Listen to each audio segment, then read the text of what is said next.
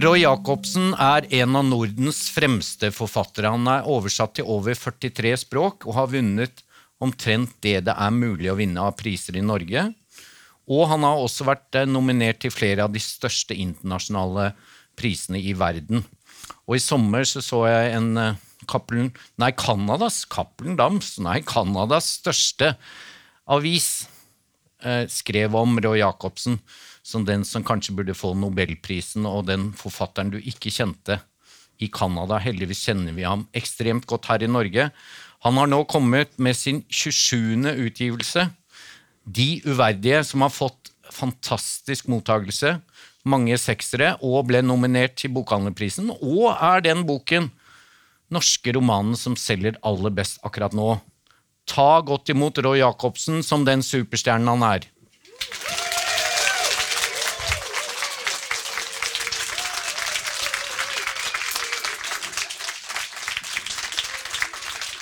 Hallo, Roy. Hei, Knut. Hei. Du overgår deg sjøl alltid. Ja. Det er du- godt. Det er hyggelig å komme til deg. Og du holder meg nede ofte. Vi skal ikke gå inn på det. Men Nei. du har gitt ut denne fantastiske romanen her, De uverdige. Fortell litt eh, hva slags bok er det, og, og hva handler den om? Oi. Det var du ikke forberedt på. Jo, jeg var det. Men uh,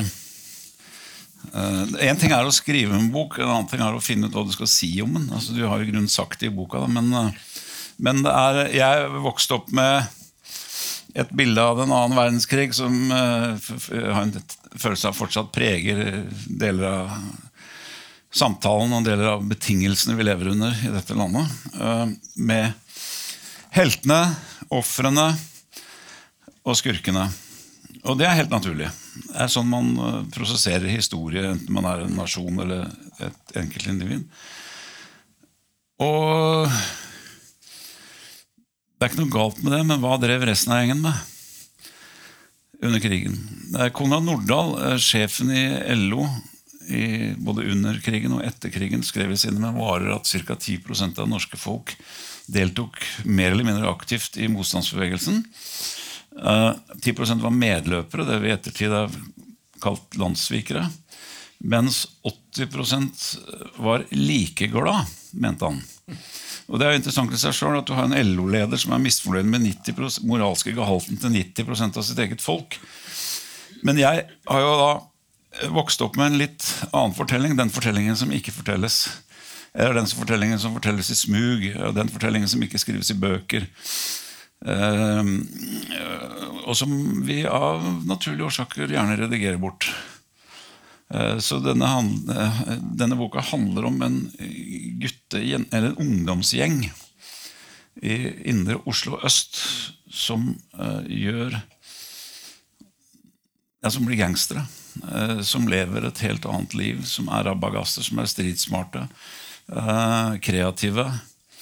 Eh, og som ikke har det, store, det store overblikket om at de befinner seg i en krig som skal være over en eller annen gang, eller har ikke noen politiske eller ideologiske føringer på noen av sine handlinger. Det er rett og slett eh, en del begavede ungdommer som eh, finner ut at de skal bruke sin begavelse og sine krefter og sitt mot på å holde hjulene i gang, som biskopen jo sa.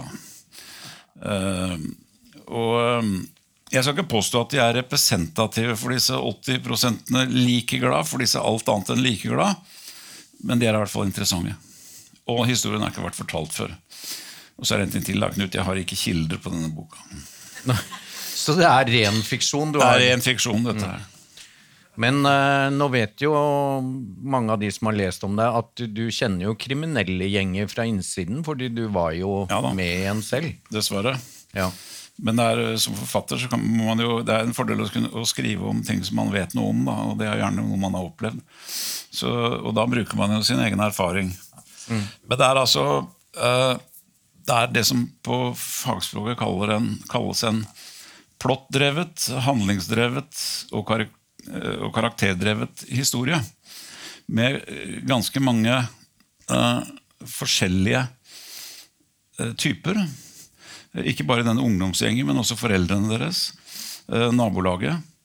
Og hvor eh, jeg tror at veldig mye av dette miljøet, eller jeg har i hvert fall forsøkt å få det sånn, eh, representerer en eller annen arketyp for hvordan de eh, ja, hva skal jeg si for noe atferd under en okkupasjonssituasjon hvor alle er redde. Det er knapphetsregime. Eh, noen blir opportunister, svært mange blir opportunister. Noen, noen fusker, noen samarbeider med tyskerne. Ja, De holder i det hele tatt gående uten å ha en høy moralsk standard. eller i hvert fall ikke en moralsk standard som er brukbar etter krigen, når heltene skulle feires og ofrene begråtes. Så eh, Det er ikke noe rart at denne historien er glemt, men jeg innbiller meg at den Eller jeg prøver i hvert fall da, å, å si noe om mitt eget folk, på godt og vondt. for å si det sånn. Ja, og du prøver på en måte da ikke sant, Som du sier, 80-90% var egentlig ikke på i hvert fall aktive mot. sånn at du prøver å forstå uten å moralisere, på et vis? Ja, jeg, jeg, er, jo, jeg er, jo, antimoralist, særlig i, i, i, i, bøkene mine. Jeg har, noe, jeg har også en avsky sterk avsky, sterk avsky mot å bruke dagens eh, moralske, politiske eller ideologiske standard til å måle eh, ja, den moralske halten til mennesker som levde for, under disse betingelsene. Eh, jeg har kikka så vidt på dere. Jeg tror ingen av dere har opplevd dette. Og ikke jeg heller. og da blir det litt tynt for meg å felle en dom over disse menneskene. Eh, jeg syns eh, vi heller bør undre oss eller prøve å forstå det. Eh, ikke nødvendigvis unnskylde. Forklare og unnskylde er to vidt forskjellige ting. Så, og dessuten så er jo den tittelen på den boka er uverdig. De gjør ganske mange uverdige ting. De foretar seg, de raner villaer de, de, Jo, Jeg tenkte på det også, at ja. Carl og sånn, han får Faren hans, altså Carl er en hovedperson, men han får på en måte vite at her er det noen hus som det er litt enkelt å bryte seg inn i og finne ting. Og da tenkte jeg plutselig Er det altså jødefamilier og sånn? Ja, ja, det skal du gjerne tenke, for det vet ikke disse gutta. Nei. Eh, de aner ikke hvem de raner. De bare raner. Mm. Eh, helt uten, helt skruppelløst. Men, men, det er en veldig sånn intrikat eh, oppstart på boka, for det er en konflikt mellom far og sønn. Begge er veldig sterke personligheter. Eh, helt åpenbart fra første side. Eh, sønnen syns faren er en dritt. Og faren er sitert på et par-tre replikker om sønnen. Eh, Husk på det, gutten min, du er verken bedre eller verre enn meg. Faren overlater ham et kart en, en, en, over Oslo. altså Mer velstående miljø enn det mine gutter og jenter lever i og vokser opp i. Nærmest som et slags testamente. Så blir faren arrestert og slått i hjel av okkupasjonsmakten. Antagelig av statspolitiet, og sine egne landsmenn. Eh, og sønnen må snu opp ned på det bildet han har av faren som han syns er en dritt. Kanskje han er en helt, eller, eller hva, er, hva, er, det med den mannen? Og Det er en veldig motvillig og vanskelig prosess for denne gutten. Så han går i, På en måte er det også en dannelsesroman. Da, at Hans innsikt i verden og hans uh, selvbilde forandrer seg gjennom denne boka. Og det gjelder også de to nærmeste vennene hans. Føler, de alle tre har veldig forskjellige familiebakgrunner, og, og alle har, men alle går igjennom en slags en modningsprosess i løpet av denne ja, det de driver med, da, for å si det sånn. De blir reddere, de blir mer ansvarlige, de utvikler en form for solidaritet seg imellom stadig ikke noe politisk, eh, politisk eh, overbevisning eller innsikt eller noe som helst. Det er et eh, klasseportrett og et Men, gruppeportrett. Ja, vær så god. Si, jo, det jeg syns er litt underlig fra vårt, eh, vår tids ståsted, er at F.eks. Carl begynner å jobbe da for tyskerne. og sånn, altså De virker så at de ikke tar noe stilling i det hele tatt. De har Altså, de, Det er jo en krig, og det er en okkupasjonsmakt. Og så er det ikke sånn at han er veldig positiv. Han er bare apolitisk, på en måte. Ja, øh, ja og det, det, det, vet jeg var ganske vanlig. Mm. Altså, man, man, øh, man er, altså, dette er et eksempel på de tingene man ikke har så lett for, innbiller jeg meg, å fortelle etter en krig. Og jeg kan jo også innbille meg at det fantes ganske mange mennesker i dette landet som gjerne skulle ha gjort noe mer i løpet av denne krigen, som gjerne skulle ha pussa litt på selvbildet sitt, og som da gjerne begynner å glemme og redigere sin egen fortid, sin egen biografi. Men på dette tidspunktet så har jo Carl da fått et signal. Han arver ikke bare dette kartet, han arver også et kodeord. Og faren sender han da inn i en tysk forlegning et, et, etter sin død. altså Han taler fra graven, så å si. da Guttungen går bort til han tysksoldaten og sier disse bevingede ord. Og får etter hvert jobb hos disse tyskerne. Blir kontaktet av motstandsbevegelsen og blir bedt om å spionere eh, på okkupasjonsmakten.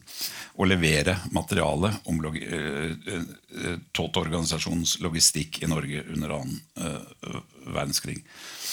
Og dette gjør han på tross av at han eh, hater denne faren han er, han er, på jakt etter å finne ut mer om sin egen far. Det er hans motivasjon for det hele tatt å bevege seg inn i denne løvens hule, som han jo gjør. da. Og her får han jo uh, erfare uh, veldig mange forskjellige sider, både ved motstandsbevegelsens arbeid og ved måten tyskerne uh, oppførte seg på, hvem de var, hva de tenkte, gjorde. Og, og det er en spesiell tid nå når det, det igjen er eh, krig i Europa. Og, og, hvordan har det vært Altså, du skrev dette i det invasjonen skjedde, eller hvordan, altså, hvordan har den situasjonen påvirket deg? Uh, nei, altså, jeg, jeg, er jo som alle andre helt rystet over det som foregår i Ukraina. Altså, hva Putin og hans uh, reptiler klarer å få til. Men uh, men, eh, og jeg, jeg, kan ikke påberope meg noe relevans til hvordan ukrainerne opptrer. De er for øvrig ikke okkupert. De slåss jo som løver for sin, egen, for sin egen frihet. Jeg beskriver jo en okkupasjonstilstand. Men alvoret har selvfølgelig vært der. Selv om jeg også vil påstå at det er ganske mye humor i denne boka. Eh, eller i hvert fall gal, galgenhumor, svart humor, for den som, måtte, eh, den som måtte sette pris på det. Og det er selvfølgelig en del av eh, overlevelsesmekanismen. Og så, og så drar jeg jo historien inn i freden. Vi følger disse tre gutta, deres personlige reise gjennom disse strabasiøse årene. En av dem mister begge foreldrene sine. Carl mister én. Eh, Roar beholder sin, og den største helten her er en steinarbeider som heter Adolf Menneske. Etter min mening. Eh, eh, men det er, det er, som om krigen ikke er over når den er over. De fortsetter. De fortsetter inn i freden, og du får da, er, alt er snudd på hodet. Og du får da en speilvending av det du har opplevd i de første gjennom fengselsoppholdet til, eh, til, Roar, ikke minst, og gjennom hevnen hevnen de tar etter krigen osv. Og, så og ikke minst er jeg veldig opptatt av dette maleriet som de greier å stjele uten å vite hva det er. Og som er clouet i hele romanen. Som eh, svært, det, men... svært, få, om noen kritikere har giddet å bry seg med, men som, altså, som er nøkkelen. Og det er siste kapittelet i, i boka, som handler om hvordan historie overleveres fra en generasjon til en annen. og hvordan vi forstår den. Men det, det som også er litt rørende da, er i epilogen Hvis jeg kan røpe det, så, så har jo da Carl fått eh, barn og barnebarn. Og, og han eh, eh, viser også til Konrad Nordahl, som du eh, siterte ja her i sted. Ja så det er jo også en, en Du tar det opp mot vår tid, da. Selvfølgelig. altså det, Krigen betyr jo noe for Alle har en mening om det. Den, den setter betingelser ennå. Altså Nato-medlemskapet vårt, sikkerhetspolitikken. Uh, ennå er det åpne sår, det er gamle arr som det er godt eller vondt å klø på. Det er, det er fortsatt uh, mange som skal ha et ord med i laget. en sånn okkupasjon setter jo kniven på strupen, den kniven som vi sitter her aldri har kjent, hvor du virkelig må ta stilling til om du skal passe på barna dine, eller om du skal henge på deg geværet og løpe ut i skogen og skyte, skyte fienden. Eh, og da er, velger jo da 90% det. Eller 80%, ja, 90, 80, 90% velger da å ta vare på barna sine. Eh, og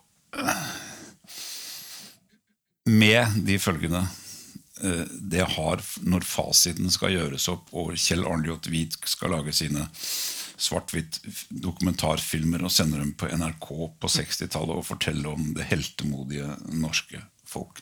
Så dette er et forsøk på nyansering. Ja, det er et svært vellykket forsøk på det. Eh, men er det en bok eh, Altså, kunne du ha skrevet den før? For det, det er, nei. Jeg sa det vel i stad, det er en fordel å drive med noe du kan. og, og, øh, og Nei, hvordan få ideer Det er jo jeg, fikk, jeg, fikk, jeg, leste en artikkel rett og slett i en avis i, i fjor, et drøyt år siden, om en familie som hadde funnet igjen en, en krigs nei, en, en, en kunstgjenstand som var gått tapt i krigens tumulter. Okkupasjonstumulter, og som var veldig glad for det. Og, og det var ja, et, et familieklenodium. da. Og Denne boka har ikke noe med det å gjøre, men det utløste en, en idé om at ok, nå kan jeg bruke det stoffet. Jeg var opprinnelig i gang med med å lage notater til en bind fem som jeg har planlagt å lage om denne Helgelands. Den tror jeg vi skal snakke litt mer om etterpå. ja. Nei, det, det, skal vi ikke ennå, for den, er, den, er, den sitter langt inne. Uh, uh, og da er, fungerer det sånn at det, det en, en, en, eller annen liten absurd eller irrasjonell situasjon så dukker opp en idé, og den for, må jeg forfølge. Det hadde ikke nytte for meg å sette meg ned og så og så tvinge meg til å lage Helgeland 5 sånn, om nå. Nå kom denne rasende på. Full fart. Og, og, da må jeg bare følge med. Så det er, det er vel det som kalles inspirasjon. Her, tror jeg. Ja, men, da... men, den er som sagt bygd på noe som jeg har hatt i meg. Da. Eller som er blanding av hukommelse og løgner og sannhet og det vi kaller bevissthet. Men jeg tenkte på, som jeg sa, i, da du hadde en oppvekst på Årvoll, så var jo du i ferd med å bikke eh, i helt feil retning og komme i fengsel og alt sånn. Eh, disse, de tre, de uverdige hovedpersonene her, er de inspirert av den gjengen du var med i, og er en av dem deg? altså, Jeg er ikke virkelighets, jeg driver ikke med virkelighetsromaner. Det er ikke altså. Jeg, jeg, jeg lar meg inspirere av virkeligheten til å lage et representativt uh, bilde i mine øyne da, av denne vanskelige uh, virkeligheten. Nei, altså Min egen bakgrunn spiller, jo en viss rolle her. Og det er jo ikke noe ulempe at jeg vet hvordan det ser ut inn, inn, på innsiden i et fengsel.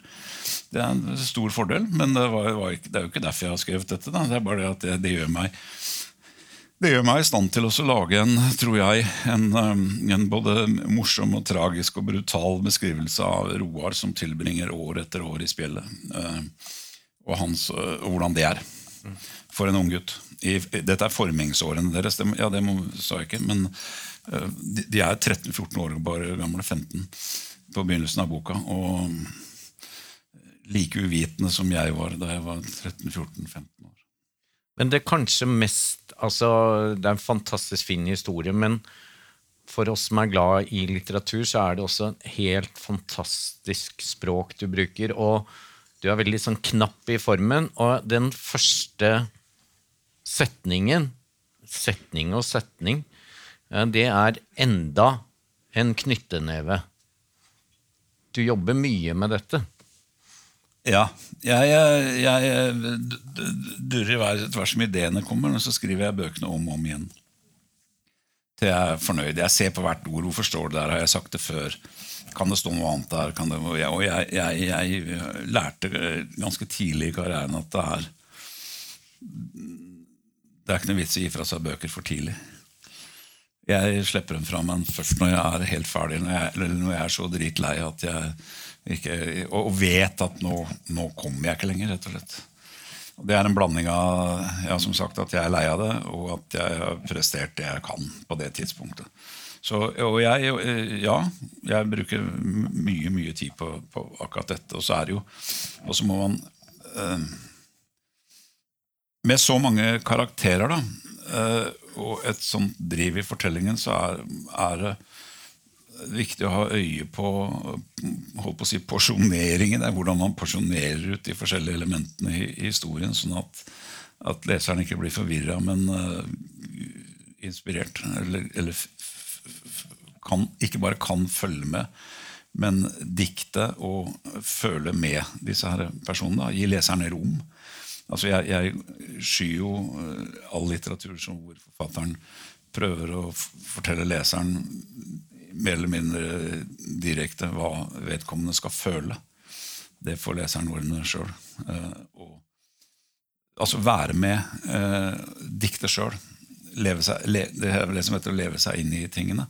Det er sånn jeg, sånne bøker jeg liker å lese, og det er dem jeg skriver. Da.